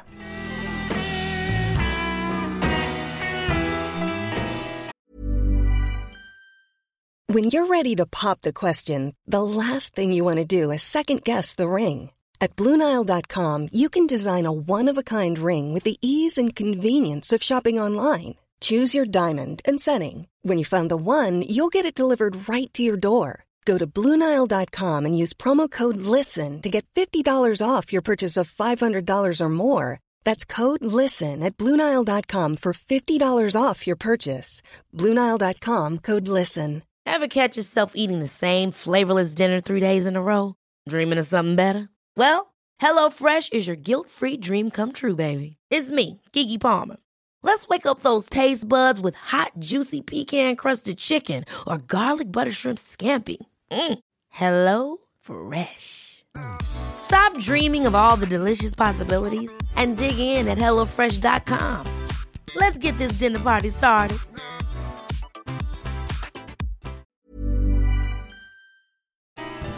Tänkte bara tillägga här innan vi kör igång att vi gjorde en snabb googling och eh, det visar sig att eh, Queen och Adam Lambert har eh, ett samarbete och kommer på turné till Sverige nästa år. Grattis Ehm. till er som har hunnit få biljetter för det är bara 100 kvar. Ja och två biljetter kostar 3000 kronor. Så, Det var det ehm, billigaste. Ja. Ehm, Så det var Så därför det... jag, jag gr- grät, gråter en skvätt här sen. Ja, gråt lite så kan jag prata så länge. Nej men det hade varit jättekul. Ja, Men ja, så att, eh, det sånt är livet va? Ja, sånt är livet. Eh, och eh, jag ska prata om ingen mindre än Marilyn Monroe. Yay! Yay! ja, och jag tänker jag drar också min fakta på en gång. Eh, Din källa menar du? Min källa menade jag. Jag bara fakta, det lät inte alls Jag rätt. hoppas att du ska dra fakta. Ja, jo det kommer sen. Men först tar vi källorna. Ja. eh, och då har jag lyssnat på podcasten Conspiracy Theories. Eh, två olika avsnitt. Den ena heter Marilyn Monroe och den andra heter Marilyn Monroe Part 2. Och sen podcasten Konspirationsteorier. Blev Marilyn Monroe mördad? Eh, och sen en dokumentär som heter The Missing Evidence The Death of Marilyn Monroe. Och sen en hemsida som heter mentalfloss.com. Och eh, den 5 augusti år 1962 så hittas Marilyn Monroe död vid sitt hem i Los Angeles i Kalifornien i USA. Och efter att obducenten gjort sin undersökning så bestämmer han sig för att det var ett förmodat självmord som då ledde till hennes död. ja, just det. Ja, och eh, Mar- Marilyn var känd för att eh, tycka om att festa och man var medveten om att hon använde droger. Men eh, trots det har väldigt många ifrågasatt om det verkligen var så att hon tog sitt eget liv. Och eh, på senare tid så har information kommit fram att Marilyn hade en konfrontation med en man kvällen innan hon hittades död. Som inte fanns med i den ursprungliga rapporten. Ehm, så det var lite för eh, information. Ja. Så den 4 augusti, dagen innan alltså, år 1962 så spenderade, vad man nu vet, Marilyn Monroe sina sista timmar i sitt hem i Brentwood i Los Angeles. Och eh, enligt LAPD, alltså Los Angeles Police Department, eh, rapport då över hennes död så kan man följa timmarna som följde innan hennes död. Och eh, klockan 19 på kvällen så ringer Marilyn sin vän eh, Filmstjärnan Peter Lawford Och eh, Peter som var svåger till John Kennedy Hade introducerat Marilyn för presidenten Mm, det, det, här, det här ringer lite klockan. Man har ju sett lite grann om det här. Ja, jo precis ehm, Och eh, det var då meningen att hon skulle eh, på middag hemma hos Peter Men hon ställde in Och istället för att gå på middagen så gick hon och la sig tidigt Ungefär klockan åtta på kvällen Och vid klockan 12 på natten så såg hushållerskan Eunice Murray att det var tänt inne i Marilyns rum och vid klockan halv ett så var det fortfarande tänt och dörren var låst. Hon provade liksom känna på den. Eh, så Eunice blev orolig och ringde då Ralph Greenson. Och eh, han hade arbetat som Marilyns psykiatriker i flera år. Och han tog sig dit på en gång och bara efter en liten stund så var han framme. Och eh, strax därpå så anlände även läkaren Dr. Hyman Engelberg. Och väl där så lyckades de då ta sig in i hennes låsta rum med hjälp av en eldgaffel. Och, ja, och inne i rummet så hittar man då Marilyn liggandes på mage på sängen. Helt naken med en telefon i ena handen. Och vid klockan 03.50 så är hon officiellt eh, dödförklarad. Och vid 04.25 så ringer Ralph till LAPD för att rapportera att eh, Marilyn var död. Ehm, och vid klockan 10.30 eh, på förmiddagen dagen efter så kommer den första rapporten från obducenten som berättar att orsaken till hennes död är självmord. Och enligt obducenten så ska hon ha dött av en dödlig dos av sömnmedicin. Eh, enligt hennes tidigare då mående så kändes det som en rimlig sak att hon skulle liksom ha dött på grund av det. Ja.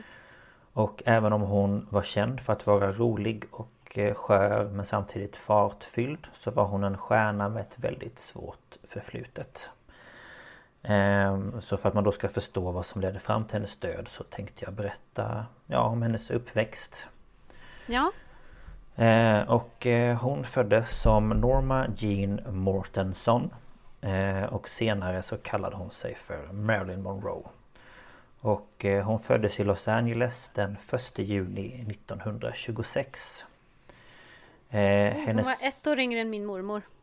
Ja, ja precis. Eh, och eh, hennes mamma Gladys Pearl Baker kom från en fattig familj som immigrerade till Kalifornien från mellanvästern. Eller heter det mellanvästern? Mellanöstern. Midwest. Ja, precis. Ja, mellanvästern måste det ju bli då. Midwest. Ja. Jag bara var för... Ja, det lät jättefel. Man, man säger ju typ aldrig det på svenska, det är nog därför. Ja, precis. Ehm, och eh, vid 15 års ålder så gifte sig Gladys eh, med John Newton Baker som var nio år äldre än henne. Och eh, hon och han, de har två barn tillsammans. Robert och Bernice. Bernice säger man kanske. Men paret skilde sig 1923 och Gladys fick ensam vårdnad om barnen men eh, Baker då, John, han kidnappade barnen kort därefter och flyttade Nej, med dem till Kentucky. Oj! ja. Och han efter var. Han var inte nöjd med att hon fick vårdnaden, det är ju tydligt. Nej, gud nej. Det gick han inte med på. Ehm, och eh, efter skilsmässan så eh, klippte eh, Gladys negativen på så film. Eh, på ett eh, vad heter det, eh, filmföretag som gjorde filmer i Los Angeles. Ja, eh, jag vet inte vad, vad, kan man kalla det? Ja, men hon liksom... Ja, alltså hon, det, hon var klippare. Ja men precis. Helt enkelt. Ja. Redigerare. Det det. Ja, precis. Det var ju bara lite annorlunda för. Um, och, Lite. Eh, det var, inte, det, var inte, det var inte filer man klippte utan det var fysiska Fysiska band. Band liksom. Ja. Ehm, och eh, hon gifte sig sen med eh, Martin Edward Mortensen Eller Mortensson. Mm, det är där ehm, det namnet kommer ifrån. Ja, eh, år 1923. Men de separerade några månader senare och de skilde sig 1928. Det går inte så bra för henne. Nej, inte sådär jättebra. Och Marilyns pappa då är okänd. Eh, och eh, hon använder då ofta Baker som efternamn. Men man vet inte vem pappan är. Och även om Gladys inte var mentalt eller ekonomiskt förberedd för ett barn så hade ändå Marilyn en stabil och lycklig tidig barndom. Ja men det är bra i alla fall. Ja, men hon, men hon fick aldrig tillbaka de där barnen som blev kidnappade då eller? Nej, inte vad jag vet. Det... vet, man, vet man liksom varför han tog dem? Var det för att han tyckte att hon var en dålig mamma eller? Det vet jag faktiskt inte men eh, det alltså det, Hon hade ju problem med psykisk ohälsa.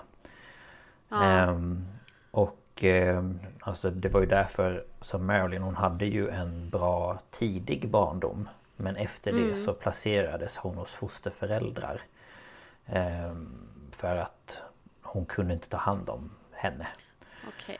Eh, så de här fosterföräldrarna de hette Albert och I Ida. Ah. Eh, Bo... Bolen... Bolander. Bolander. Ja. Bolander. Ja, Bo... B-O-L-E-N-D-E-R. Bolender. Bolender. Ehm, och till en början så bodde även Gladys där. Men på grund av sitt arbete då så behövde hon flytta. Och efter det så mm. besökte hon Marilyn på helgerna. Okay. Och år 1933 så köpte Gladys ett hus i Los Angeles och flyttade in där tillsammans med Marilyn som nu var sju år gammal. Ehm, och trots dubbla arbeten så kunde inte Gladys betala hyran och de valde därför att ta in inneboenden. Och de som flyttade in hette George och Maud Atkinson samt deras eh, dotter. Och ett halvår senare så blev Gladys ja, psykiskt sjuk då och diagnostiserades med paranoid schizofreni. Åh. Ja, och hon blev inlagd på ett sjukhus och tillbringade resten av sitt liv då på olika sjukhus. Nej gud vad tragiskt. Ja, ehm, verkligen. Men det, det var väl de, var väl innan man hade utarbetat behandlingsmetoder för det. Ja, jo men så var det ju också. Så att, och sen förstod jag det som att det gick liksom i släkten på den sidan av Mm. Marilyns eh, mammas ja, håll. Ja, men jag Ehm. förstår ju då att hon kanske inte var, hade liksom kapaciteten då att ta hand om barn och sig själv och liksom Nej men precis. Det måste ju vara fruktansvärt jobbigt att leva med. Ja gud ja. Alltså, det, både, ja. både som den som är sjuk och den som är anhörig. Mm. Ja nej det är ju men- lättare Men det är ju synd då att på den tiden så var alternativet då liksom lå- typ låsa in dem och det tycker jag är lite det tycker jag är hemskt. Men Ja, det var ju så man om. gjorde då. Ja, vi pratade ju om det på eh, vad var det, för förra eller ja, för några avsnitt sen eh, Om Ja. eh, mentalsjukhusen och sådär att Det var ju så Mm. man gjorde, man visste ju inget annat Nej, precis. Ehm, Och eh, Marilyns mammas vän Grace eh, Go- Goddard, Goddard ja, Mm. eh, Tog nu hand om Marilyn Och det första ett och ett halvt åren efter att mamma blivit inlagd så fortsatte Marilyn att bo med de här Atkinson Mm. Men det var även under den här tiden som hon för första gången blev sexuellt utnyttjad. Jaha. Ja, och eh, Grace tog sedan in henne ett tag i sitt hem innan hon placerades på ett barnhem i Los Angeles som hette Orphans Home. Men var det alltså fosterpappan då som... Eh, Hon har aldrig gått ut med vem det var. Nej okej. Nej, så att eh, det vet man inte riktigt. Men ja, antingen så var det ju den där inneboende som gjorde det eller så var det någon annan. Jag vet inte. Mm. Nej okej. Ehm, Men där kände sig Marilyn övergiven Och eh, Ja. Grace blev 1936 Marilyns eh, officiella då vårdnadshavare Men fick inte Det, flytta det har ju gått, hon har ju knappt ens levt och har redan varit med om så mycket. Mm. Gud ja Det fortsätter dock Eh, Eh, men hon fick inte flytta hem på en gång eh, Utan innan dess så hamnade Marilyn på barnhem och hos 12 olika fosterhem. Och 1941 fick hon då flytta hem till Grace och där träffade hon grannen James Dorothy Eller Dor... Dor ja, Dorothy och när Grace och hennes man var tvungna att flytta på grund av arbete så kunde de inte ta med sig Marilyn för att man kunde inte göra det på den tiden. Det fanns liksom inga lagar för att det skulle funka. Okej. Eh, Och för att inte behöva återvända till barnhemmet så gifte hon sig 16 år gammal med James den 19 juni 1942. Okej. Och Marilyn hon hoppade av skolan och blev då hemmafru. Och efter att James tagit värvning i armén så flyttade de tillsammans till eh, San, Santa Catalina Island där han då blev stationerad. Mm. Och för att Marilyn skulle klara sig ekonomiskt så flyttade hon hem till James föräldrar och började arbeta på en fabrik som tillverkade ammunition. Och en dag år 1944 så kom fotografen David Conover till fabriken. Där, då han då hade skickats dit av armén för att fotografera bilder av kvinnliga arbetare. För det var ju Ja det var väl väldigt- någon slags eh, eh, reklam, så här, alla kan göra sin del typ. Precis. Och det var ju inte jätte... Alltså det var väl typ första gången som kvinnor jobbade tänkte jag säga men du Ja fattar. men det vart, vart ju så i krigstid eh, Ja. att kvinnor fick ta jobben på fabrikerna. Alltså det var ju redan i första världskriget också. Ja ja ja. Ehm, så Verkligen. Det var nog en sån här eh, ja, men reklamgrej. Mm. Ja ja ja. Visst var det så. Ehm, och ja, han tog då foto på de här kvinnorna som jobbade och Marilyn var ju en av dem. Ehm, men hennes bilder användes aldrig till liksom någonting. Men trots det så slutade hon på fabriken år 1945 och började modellera istället. Och senare samma år så skrev hon ett avtal med en agentur. Och i början av 1946 så hade Marilyn varit med på omslaget för 33 olika tidningar. Oj! Mm. Ehm, och Emmeline Snively som ägde agenturen som då hon hade skrivit eh, avtal med eh, Hjälpte Marilyn att samma år skriva ett kontrakt med 20th Century Fox. Mm. Och tillsammans med direktören då för 20th Century Fox Ben Lyon eh, Eller Lion, jag vet inte ehm, Kom det fram till artistnamnet Marilyn Monroe. Och Marilyn det var då efter Broadway-stjärnan Marilyn Miller Och Monroe efter hennes mammas flicknamn För hon hette väl det innan hon ja, gifte sig Jaha. Det visste jag faktiskt inte. Nej Så att eh, ja Eh, Och en månad senare så skilde hon sig även med James För att ja De gick skilda vä- vägar och han uppskattade inte hennes eh, Nej, val av jag förstod. Jag förstod nästan det. Ja Han var nog lite mer konservativ. Fick jag en känsla av. Precis Ja Ehm, Hon ska ju vara en sån där army wife. De ska ju inte hålla på med sånt där liksom. Nej nej nej gud nej. Nej så att det var inte riktigt ehm, Ja populärt Nej, hos jo- honom. Jobbigt för honom då. Ja jag Det känner var det, ju hans förlust om man säger så. Ja gud ja.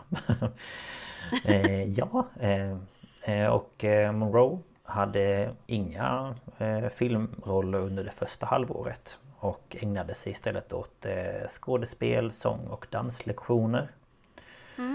Och hennes kontrakt eh, förnyades i februari 1947 och hon fick då sina första filmroller.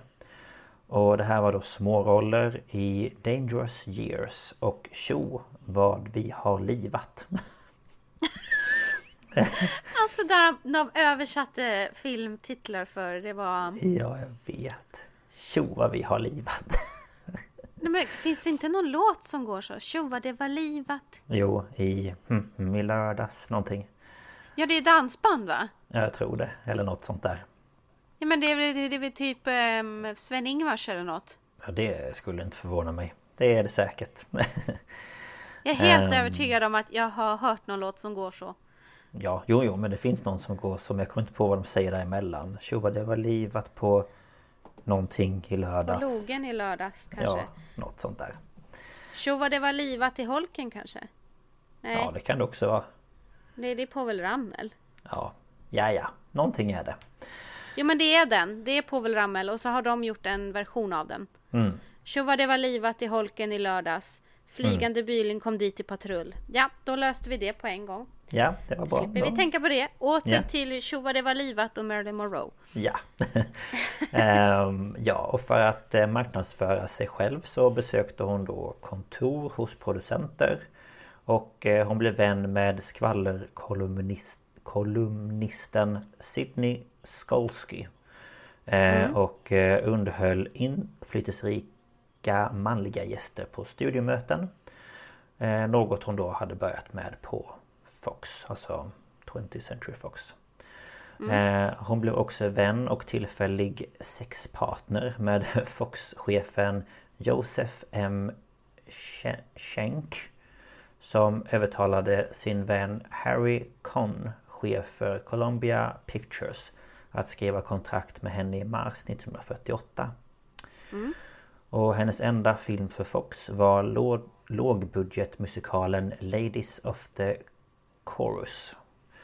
Eh, Och där hon fick sin första huvudroll som en körflicka Som uppvaktades av en rik man.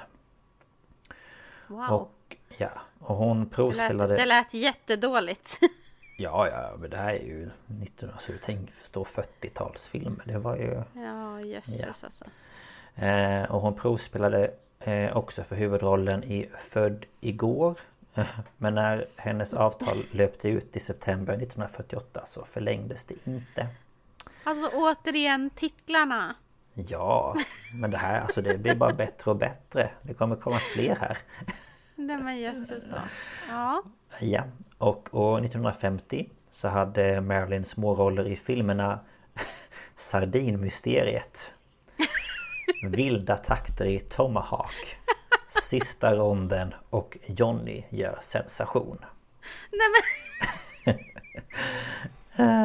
Nej men alltså... Vem översatte de här? Jag vet inte. Men alltså sardinmysteriet.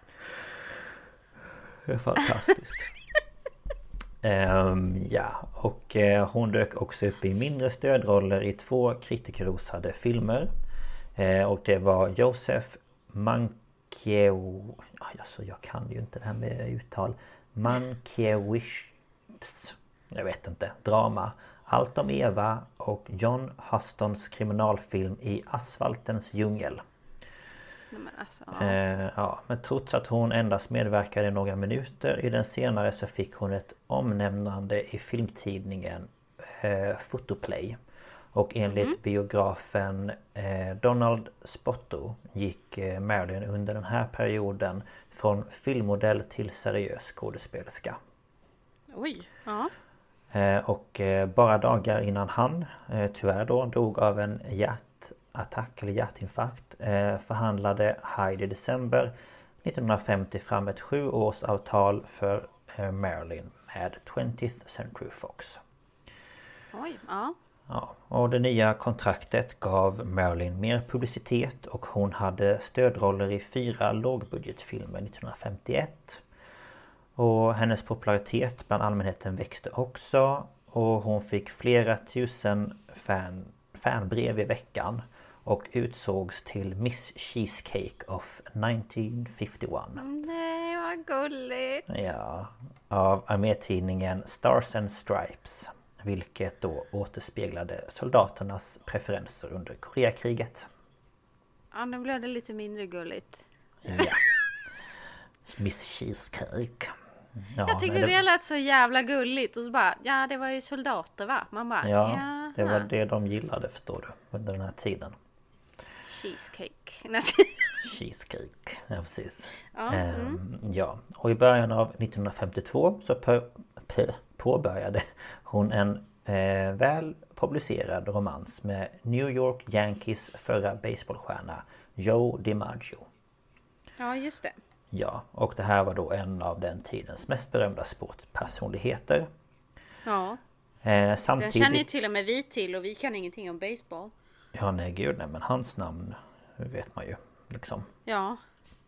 Eh, men samtidigt som det här eh, vad heter det, relationen eller romansen eh, började så kom det även fram rykten om att hon poserat naken år 1949 och att de här bilderna nu fanns i en kalender.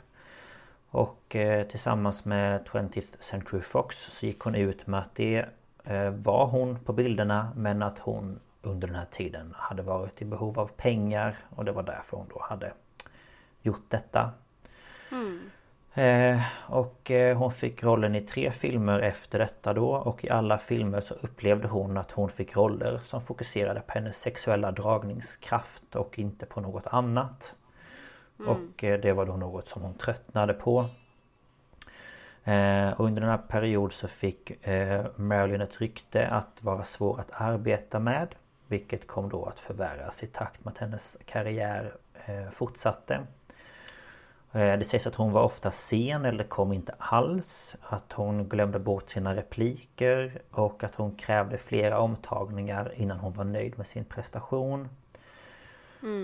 Och eh, Marilyns problem har senare då tillskrivits en kombination av perfektionism, låg självkänsla och scenskräck. Och för att då lindra sin ångest och kroniska sömnlöshet så började hon använda eh, barbiturater, eh, amfetaminer och alkohol. Och ja, det förvärrades ju då hennes problem av. Eh, och hon blev eh, svårt beroende av detta 1956. Mm och M- Marilyns status som en ledande sexsymbol bekräftades i december 1953 när Hugh Hefner hade henne på omslaget och mittuppslaget i det första numret av Playboy. Eh, och det här var då ingenting som hon hade godkänt innan den publicerades. Och omslagsbilden var ett eh, fotografi taget av henne vid Miss America-paraden 1952 och mittuppslaget var ett av hennes nakenfotografier från 1949. Eh, och Marilyn hade blivit en av eh, 20th Century Fox största stjärnor på 1900-talet. Men hennes kontrakt hade inte ändrats sedan 1950. Vilket då Nej. innebar att hon dels fick mycket mindre betalt än andra stjärnor med liknande status.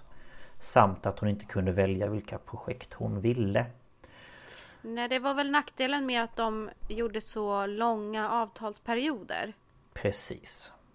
Så att... Ja. ehm, ja, Så det, var ju blev- både, både bra för hon fick en trygghet men samtidigt så vart det ju ett hinder liksom. Jo, det blev ju det. Tyvärr. Men jag tycker att de kunde, hon kunde ha fått förhandla om villkoren. Men Ja, man tycker ju det men...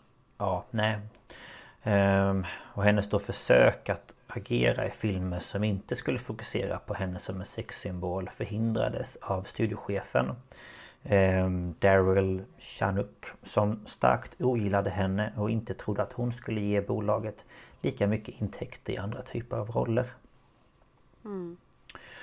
Och den 14 januari eh, den, samma år så gifte hon sig med Joe DiMaggio i San Franciscos stadshus. Och eh, de reste sedan till Japan och kombinerade då en smekmånad med hans affärsresa. Och från Tokyo så reste hon ensam till Korea där hon deltog i ett evenemang av United Service Organizations där hon sjöng låtar från sina filmer för över 60 000 amerikanska marinsoldater under en fyra dagars period. Mm. Och eh, efter att då ha återvänt till USA så tilldelades hon eh, Photoplays pris Most Popular Female Star. Eh, Och Marilyn gjorde upp med 20th Century Fox i mars med löfte om ett nytt avtal samt en bonus på 100 000 dollar och en huvudroll i, filmver- i filmversion av Broadway-succén Flickan ovan. Eller ovanpå menar jag. Och eh, i september 1954 så började Monroe att filma den här då komedin Flickan ovanpå. Där hon spelade en kvinna som blir föremål för sin gifta grannes sexuella fantasier. Man bara wow. Um, filmen spelades in i Hollywood men för att eh, generera mer exponering så beslutade då filmbolaget att iscensätta inspelningen av en scen där Marilyn stod ovanpå ett eh, ventilationsgaller ovanför tunnelbanan där då luft blåste upp kjolen på hennes vita klänning på Lexington Avenue i Manhattan. Eller på Manhattan.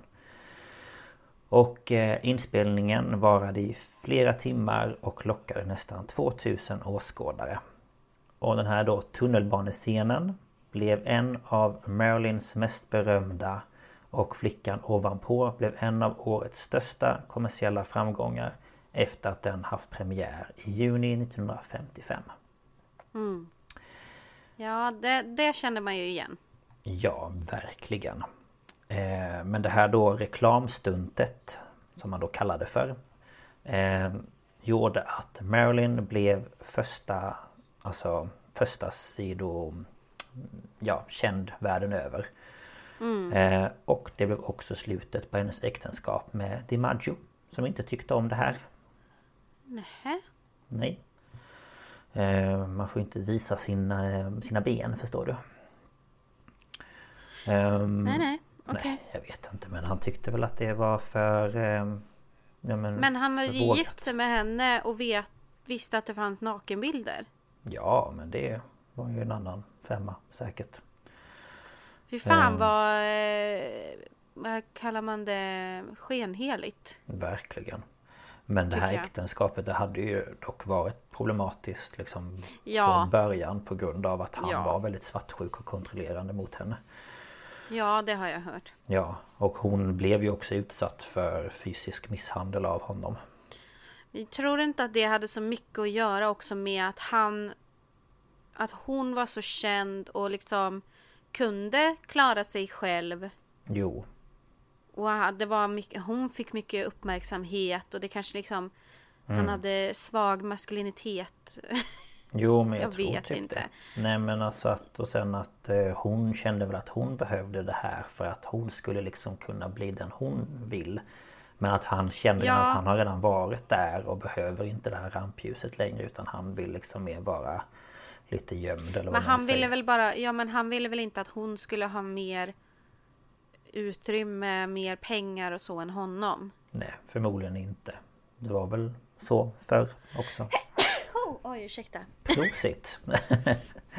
Den kom väldigt plötsligt. Ja, ehm, verkligen. Men ehm, ja, efter att eh, då ha återvänt till eh, Hollywood från New York så ansökte Marilyn i oktober 1954 om skilsmässa efter nio månaders äktenskap. Ja, det var inte längre än så. Jag hade för mig att det ändå var ett par år. Men ja. Nej, det var inte det. Eh, och eh, istället för att arbeta så hade då Marilyn hälsoproblem det första halvåret 1961. Och hon genomgick en eh, kolesystektomi Vilket jag har glömt kolla upp vad det var nu Men eh, ja, hon opererades också för sin endometrios Och eh, tillbringade fyra veckor på sjukhus för depression. Eh, och hon fick då hjälp av exmaken Joe DiMaggio eh, med eh, vem hon då återutvecklade en vänskap med och dejtade i flera månader eh, hans vän eh, Frank Sina- Sinatra. Jaha. Ja, så de dejtade också. Ehm, och Marilyn flyttade också permanent tillbaka till eh, Kalifornien 1961 och köpte ett hus på eh, Fifth eh, Helena Drive i Brentwood i Los Angeles i början av 1962. Så det här var liksom lite om hennes eh, eh, uppväxt och hennes eh, karriär. Och eh, nu tänkte jag att vi hoppar tillbaka till den 5 augusti 1962. Eh, För då sitter polisen Jack Clemons på polisstationen i Los Angeles när han får in ett samtal vid 04.25 om att Marilyn har begått självmord. Och eh, han eh, åkte då hem till Marilyn och möttes av Un- eh, vad heter det nu? Eunice som visade in honom till Marilyn. Och i hennes rum så möttes han av två män och Marilyn liggandes i sängen på mage. Och på nattduksbordet och utspritt i rummet så låg flera tomma pillerburkar som innehöll det narkotikaklassade sömnmedlet Nembutal. Och eh, Jack förstod snart att Marilyn varit död i flera timmar. Och han pratade med Eunice, Ralph och eh, Hyman som alla tre berättade att hon dött av en överdos av sömntabletterna. Men Jack tyckte dock att Marilyn låg på ett underligt vis samt att sängen såg eh, nybäddad ut. Eh, benen de var raka och det såg ut som att någon hade placerat henne i sängen. Och han fick direkt en dålig magkänsla. Och eh, den här känslan förvärrades när han tittade sig runt i rummet. För han kunde se alla pillerburkarna. Men det fanns inget att skölja ner tabletterna med. Alltså inget vattenglas, ingenting i hela rummet. Och rummet var ju låst som vi vet. Men så känns det också lite så här. Varför är pillerburkarna så här strategiskt utspridda? Mm, nej, men det var några på golvet och några på Skulle hon nattduksbordet. mena, mena de att hon skulle ha gått runt i rummet och tagit Ja men tydligen. Jag vet inte. och sen lagt sig raklång i sängen? Ja. Med en telefon i handen. Ja, nej, det är jättekonstigt. Ehm, men det var ju dock inte bara det här då som förbryllade Jack utan även själva tidsramen för den här kvällen och natten. De gick liksom inte heller ihop. Nej. Och eh, hushållerskan och den här psykiatrikern och läkaren hade alla sagt att de hade upptäckt Marilyns livlösa kropp klockan halv ett på natten. Men det ska ha tagit dem cirka fyra timmar innan de ringde efter hjälp. Och Jack fick känslan av att eh, hushållerskan då, Eunice, hade blivit tillsagd om vad hon skulle säga. Och eh, dagen därpå så ändrade hon även sin historia. Och eh, det dröjde inte länge förrän även Ralph och eh, Hyman gjorde samma sak. Och till en början så undrade utredarna varför alla tre hade valt att ändra sina historier men efter ett tag så blev det uppenbart. För anledningen var att de hade ingen rimlig anledning för att ha väntat så länge med att ringa efter hjälp. Nej. Och eh, Eunice ändrade sin historia ytterligare en gång under eh, 80-talet då hon berättade för polisen att Marilyn ska ha fått besök under eftermiddagen den 4 augusti. Och det här besöket ska ha urartat och ett stort gräl hade utbrutit. Senare samma dag så ska Marilyn eh, pratat med Ralph om att hon känt sig avvisad av sin älskare USAs dåvarande justitieminister Robert Kennedy. Ja. Och det hela, det här med Kennedy-bröderna, det började under presidentens 45-årsfirande den 19 maj 1962 på Madison Square Garden i New York. Och inför en fullsatt arena så kom Marilyn upp på scenen för att sjunga Happy Birthday Mr President. Och det ja, var... just det. Det är också ganska ikoniskt. Ja, verkligen. Hela den... Eh, hon hade på sig någon sån här eh, eh tight klänning som var helglittrig med eh, så här eh, nude, vad säger man? Eh, under kjol typ. Så att det ser ut som ja. att hon var typ naken med glitter och ja. Mm. Eh, och det var här som de här ryktena då om en affär mellan Marilyn och ehm, eh, ja, Roberts bror då, John F Kennedy, blommade upp. Mm. Eh, och att presidentens fru, Jacqueline Kennedy, inte var med på firandet gjorde då inte saken bättre. Nej. Och eh, John F Kennedy eh, var en av världens mäktigaste personer som bakom kulisserna var otrogen mot sin fru och eh, kunde inte få nog av kvinnor och av sex. Ehm, och det sägs att Marilyn var redo att ta plats i Vita huset. Jösses då. Yes. Men från Kennedys sida var det inget seriöst och han avslutade förhållandet innan ryktena började ta för stor plats. Och strax därpå så började nya rykten spridas om att Marilyn inlett en affär med Johns lillebror Robert Kennedy. Ehm, och han ska ha lovat Marilyn att han skulle skiljas från sin fru men eh, ja, han höll dock inte sitt löfte och eh, började istället ta avstånd från Marilyn. Mm. Och eh, efter att ha dejtat både John och Robert Kennedy så inledde hon en relation med Chicagos mäktigaste maffiaboss Sam eh, Nu ska jag se hur man uttalar det här Giancana vilket förmodligen skrämde då Kennedy-bröderna. Och anledningen Det har jag nog aldrig hört faktiskt att hon hade en relation med en maffiaboss. Jo, det hade hon. um, Jösses då. Ja, och anledningen till att då de här Kennedy-bröderna blev um, ja, um, skrämda Det var att uh, Marilyn satt på väldigt mycket information som de inte ville skulle komma ut. Och när Robert lämnade henne så ska hon ha hotat med att hon skulle avslöja allt. Och det sägs att hon skrev ner allt i en liten röd dagbok. Oj då. Ja, ja. det är farligt. Ja. Eh, och en teori är att Marilyn föll offer för en konflikt mellan fackföreningens ledare Jimmy Hoffa, Chicagos maffiaboss Sam Giancana och bröderna Kennedy. Och det som sägs vara bakgrunden till konflikten det är att John F Kennedy fick hjälp av maffian att vinna presidentvalet år 1960. Mm. Och som tack för hjälpen så skulle han då beskydda dem Men istället så gjorde Kennedy tvärtom. Eh, för han ville stoppa den organiserade brottslingen i landet och det arbetet tilldelades då Robert Kennedy. Mm. Och teorin är att Jimmy Hoffa och Sam Giancana blev arga på Kennedy-familjen och både konflikten och triangeldramat fick ett slut då när maffian valde att hämnas. Mm. Så kanske var det så att det, det dödade Marilyn som hämnd. och att tillägga är att John mördades ett år senare och fem år senare mördades även Robert. Ja, just det.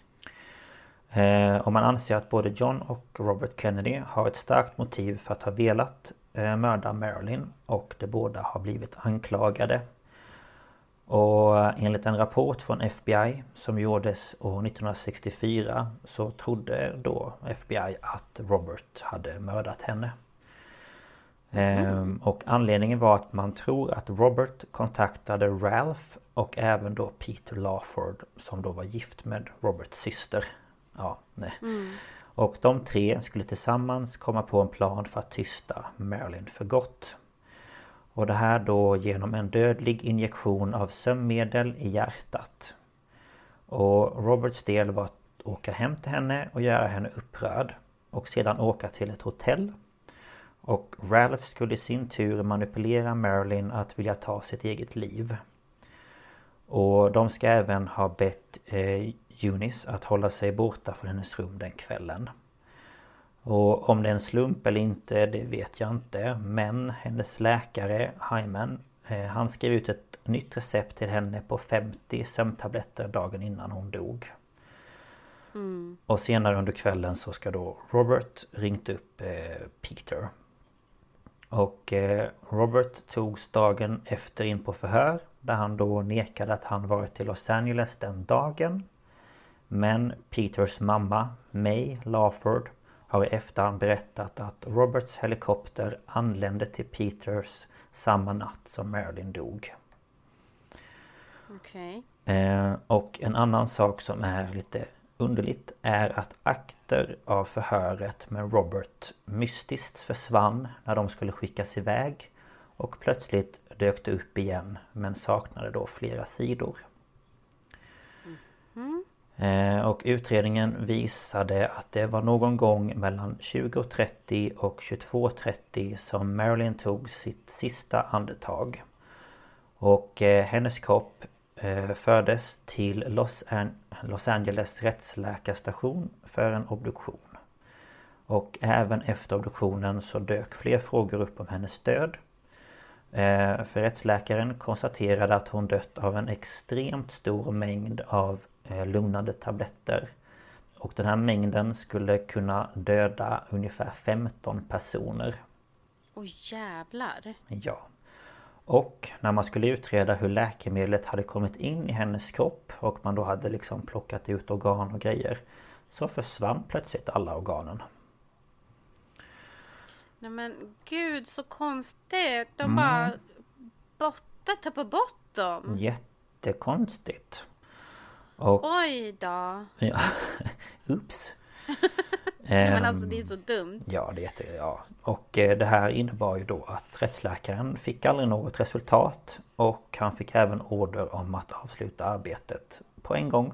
Skulle inte fortsätta med Men alltså då är det ju så uppenbart att det är någonting som är shady. Ja, verkligen.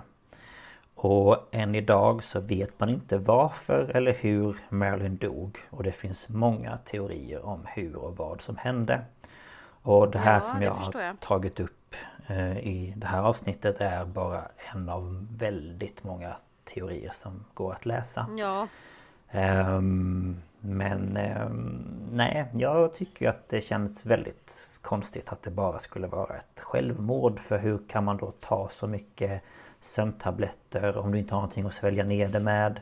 Och du skulle ju kräka om du fick i dig så mycket. Alltså, Ja men alltså det här är bara oj, nej men hennes inre organ bara försvann och att man abrupt avslutar arbetet. Alltså det är så här, varför skulle man göra det om det bara var självmord? nej men precis. Och att det är så mycket grejer som... eh, Ja men som liksom... Nej men det eh, går ju inte, går ihop. Nej. Alltså, Nej men verkligen. Så att jag kan väl säga att efter att jag har eh, undersökt det här lite mer så tror jag absolut inte att hon tog livet av sig. nej det är väl egentligen det konsensus många har Mm. bestämt sig för. Alltså, Och eh, det man kan känna är liksom att... Eh, inte för att någon ska behöva tystas ner. Men det känns som att om hon inte hade från början hotat med att avslöja saker Hur hade utgången då blivit? Mm. Um, för jag tänker Om man då tänker som eh, Kennedy-bröderna De hade ju väldigt stor makt och en maffiaboss. Ja, och det, det, finns ju så mycket shady business runt de två också. Ja, gud ja. Och då en maffiaboss har ju också en viss slags makt. Och det Nästan tillsammans... lika stor skulle jag vilja säga. Ja, ja, ja, ja, gud ja. Och det här tillsammans blir ju inte lätt om man hamnar emellan. Um, nej. Men um, ja, nej, jag vet inte. Men um, det känns väldigt skumt att hon skulle kunna ta så en sån stor mängd tabletter utan att liksom kräkas eller dö mm. innan hon ens har hunnit svälja alla liksom. Nej men precis.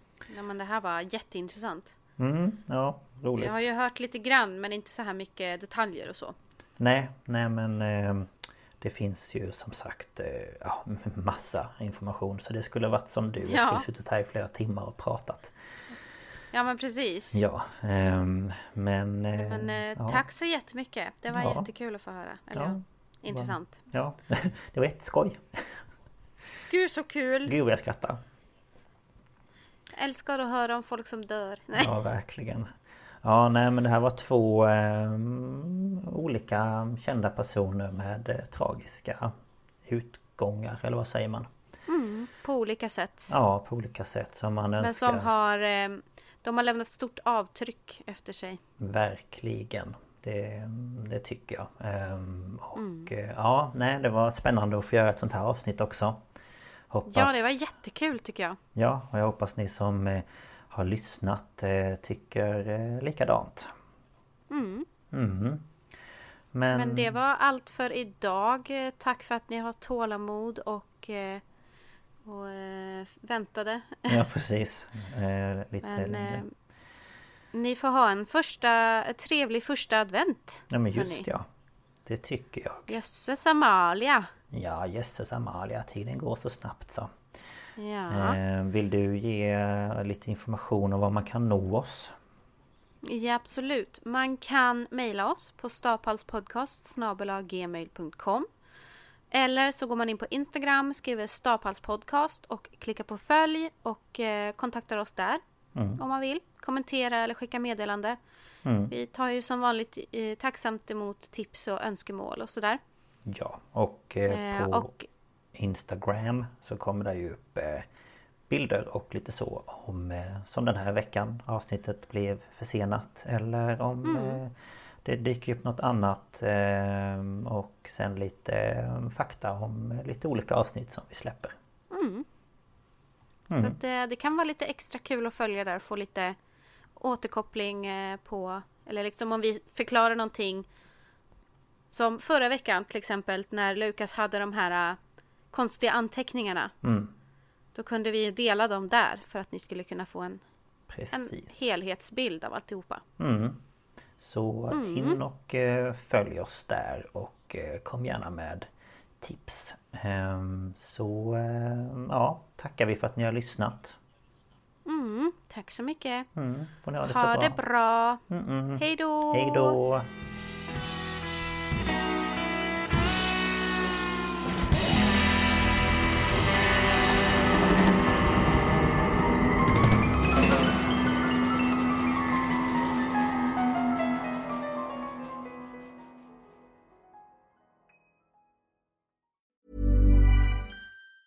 Hi, I'm Daniel, founder of Pretty Litter. Did you know cats tend to hide symptoms of sickness and pain? I learned this the hard way after losing my cat, Gingy. So I created Pretty Litter, a health monitoring litter that helps detect early signs of illness by changing colors, saving you money and potentially your cat's life. Pretty Litter is veterinarian developed, and it's the easiest way to keep tabs on your fur baby's health right at home. Go to prettylitter.com and use code ACAST for 20% off your first order and a free cat toy. Terms and conditions apply. See site for details. Hold up. What was that? Boring. No flavor. That was as bad as those leftovers you ate all week. Kiki Palmer here, and it's time to say hello to something fresh and guilt-free. Hello Fresh. Jazz up dinner with pecan-crusted chicken or garlic butter shrimp scampi. Now that's music to my mouth. Hello Fresh. Let's get this dinner party started. Discover all the delicious possibilities at hellofresh.com.